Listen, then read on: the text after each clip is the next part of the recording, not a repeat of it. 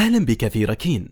نعمل في مشروع ركين على توفير المعلومة الموثوقة والبسيطة حول حماية الأطفال من التنمر. لنرفع الوعي لدى الوالدين والمربين. كما نوفر محتوى خاصا بالأطفال. وركين أحد مشاريع مركز التنمية الاجتماعية ببريدة. والآن استمع لهذه الخلاصة. خلاصة كتاب كيف نعلم الأطفال التعاون؟ تأليف كلاوس فوبيل.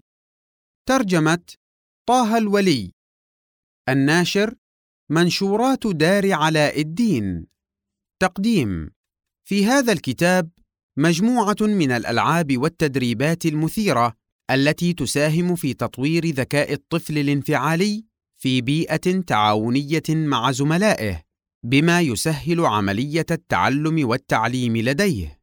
تأتي أهمية تعليم الأطفال التعاون استجابة لما نشهده من انشغال العائلة عن بعضها وانهماكها في العمل ووراء الشاشات وبعدها عن الرياضة، الأمر الذي أثر سلبًا على سلوكيات الأطفال وجعلهم انعزاليين، وفي ظل اعتماد المعلمين والآباء غالبًا على القوانين الصارمة عند تعاملهم مع الأطفال بدرجة تفضي إلى نتائج سلبية وتجعل الأطفال يميلون إلى التمرد وتزيد من الحواجز بين الطرفين وتسبب مشكلات نفسية.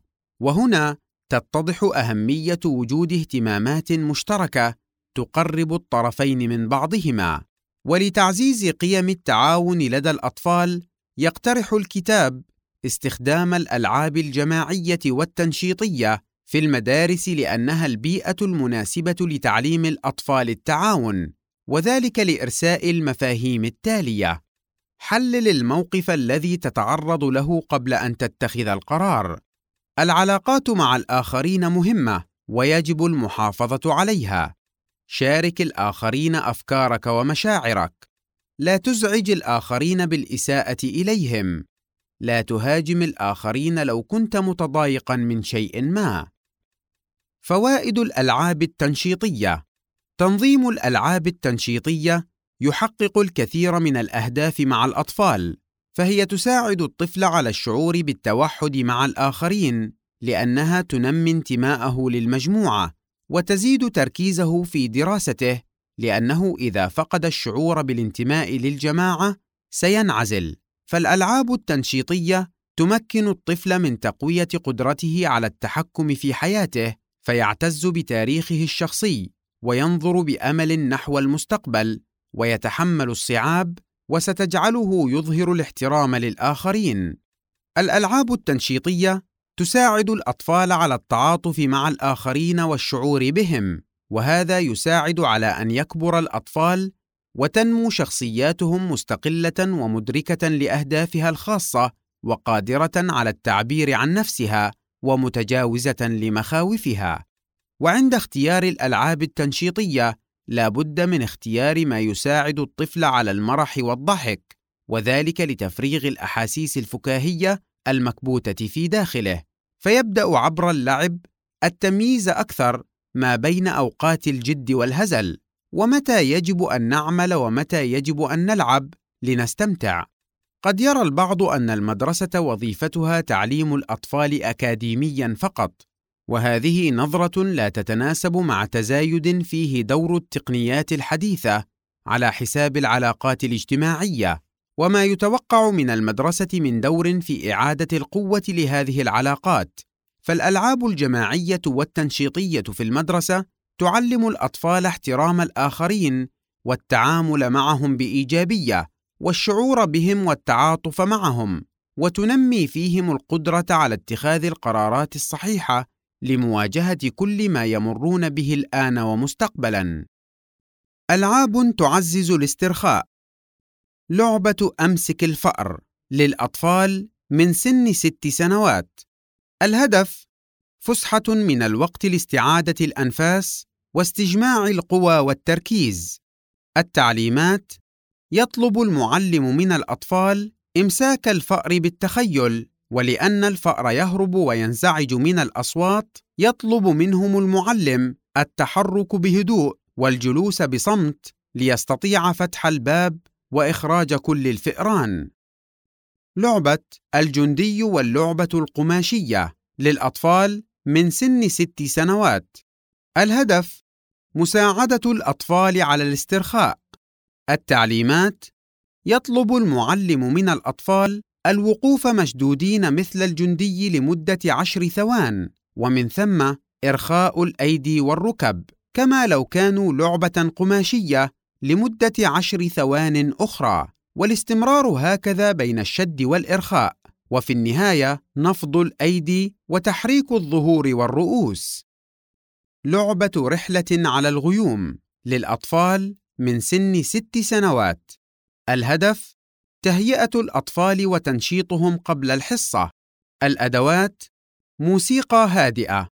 التعليمات يأخذ المعلم الأطفال في رحلة خيالية فوق الغيوم مع الموسيقى الهادئة ويطلب منهم الاسترخاء وإغماض العيون وتخيل أنهم فوق غيمة في السماء يتنقلون بين الأماكن التي يحبون وبعد قرابة ثلاثين ثانية يطلب منهم بهدوء الرجوع إلى الصف وفتح أعينهم لبدء الدرس بنشاط. لعبة شلال للأطفال من سن ست سنوات. الهدف المساعدة على الاسترخاء. التعليمات يطلب المعلم من الأطفال الجلوس بوضعية مريحة وإغلاق أعينهم. وتخيل أنهم يقفون بالقرب من شلال غير عادي يتدفق منه ضوء ناعم يبدأ بملامستهم شيئا فشيئا وكلما لامس منطقة يدلكها بهدوء وترتخي عضلاتها حتى يلامس كل أجزاء أجسامهم بشعور رائع مريح مع شهيق وزفير يزيد الاسترخاء ومن ثم يعودون إلى الصف بفتح أعينهم. لعبة ابتسامة للأطفال من سن ثمان سنوات. الهدف تحسين مزاج الطفل وتدفق موجة من النشاط لتقبل كل ما هو جديد. التعليمات يجلس الأطفال بوضعية مريحة ويغلقون أعينهم ويتنفسون بعمق. مع كل زفير يشعرون بالراحة والاسترخاء أكثر يحثهم المعلم على حبس أنفاسهم ثم نفث الهواء إلى الخارج بأعلى مستوى يستطيعون ثم الزفير مع الابتسامة التي تزيد كل مرة عن سابقتها فيشعرون بأنها تسري في كل أجسامهم وينقل لهم الشعور بأن الشمس مضيئة بداخلهم وتبتسم. لعبة خمسة طوابق للأطفال من سن ثمان سنوات. الهدف الشعور بالراحة واستجماع القوى. التعليمات بعد غلق العينين والتنفس ثلاثا يتخيل الأطفال أنهم على باب مصعد وبضغطة يطلبونه. فينفتح الباب ويدخلون المصعد ويجدون فيه خمسة مفاتيح لخمسة طوابق.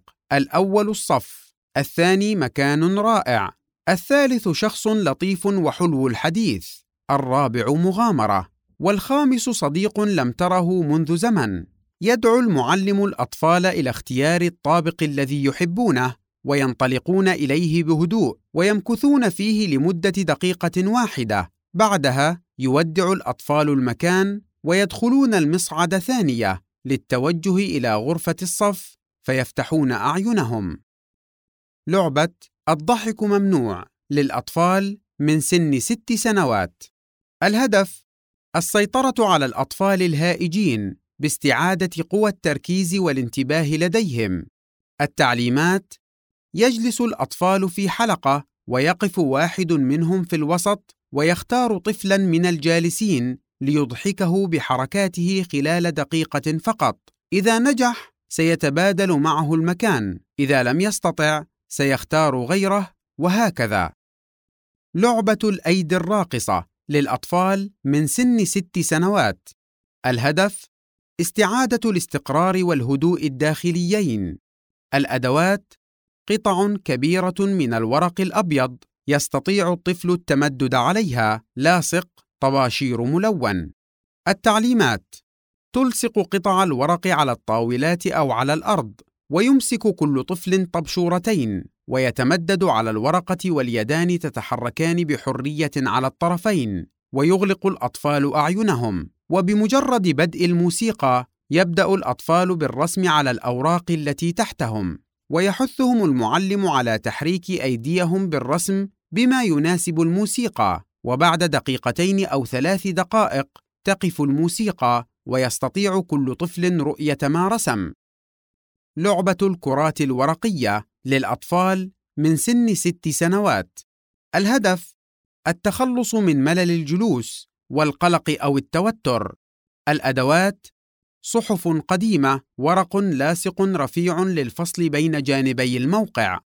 التعليمات يرسم المعلم خطا فاصلا بين الأطفال وينقسمون إلى مجموعتين ويأخذ كل طفل ورقة جريدة يصنع منها شكل كرة وعلى بعد مترين من الخط تبدأ كل مجموعة برمي كراتها على المجموعة الأخرى. ويجب أن تحرص على صد وإعادة أي كرة في منطقتها إلى أن يعطي المعلم الإشارة بوقف الرمي ومن تكون منطقتهم أقل في عدد الكرات يكونون هم الرابحون.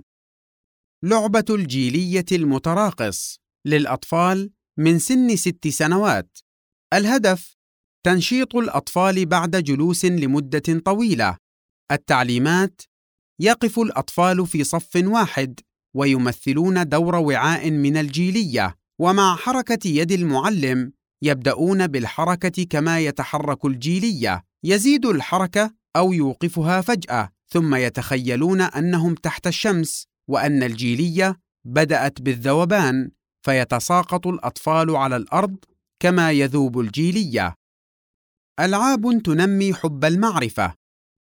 لعبة الكتابة الخفية للأطفال من سن ست سنوات. الهدف التواصل مع كل تلميذ وتنشيط الاستقبال الحسي لديهم.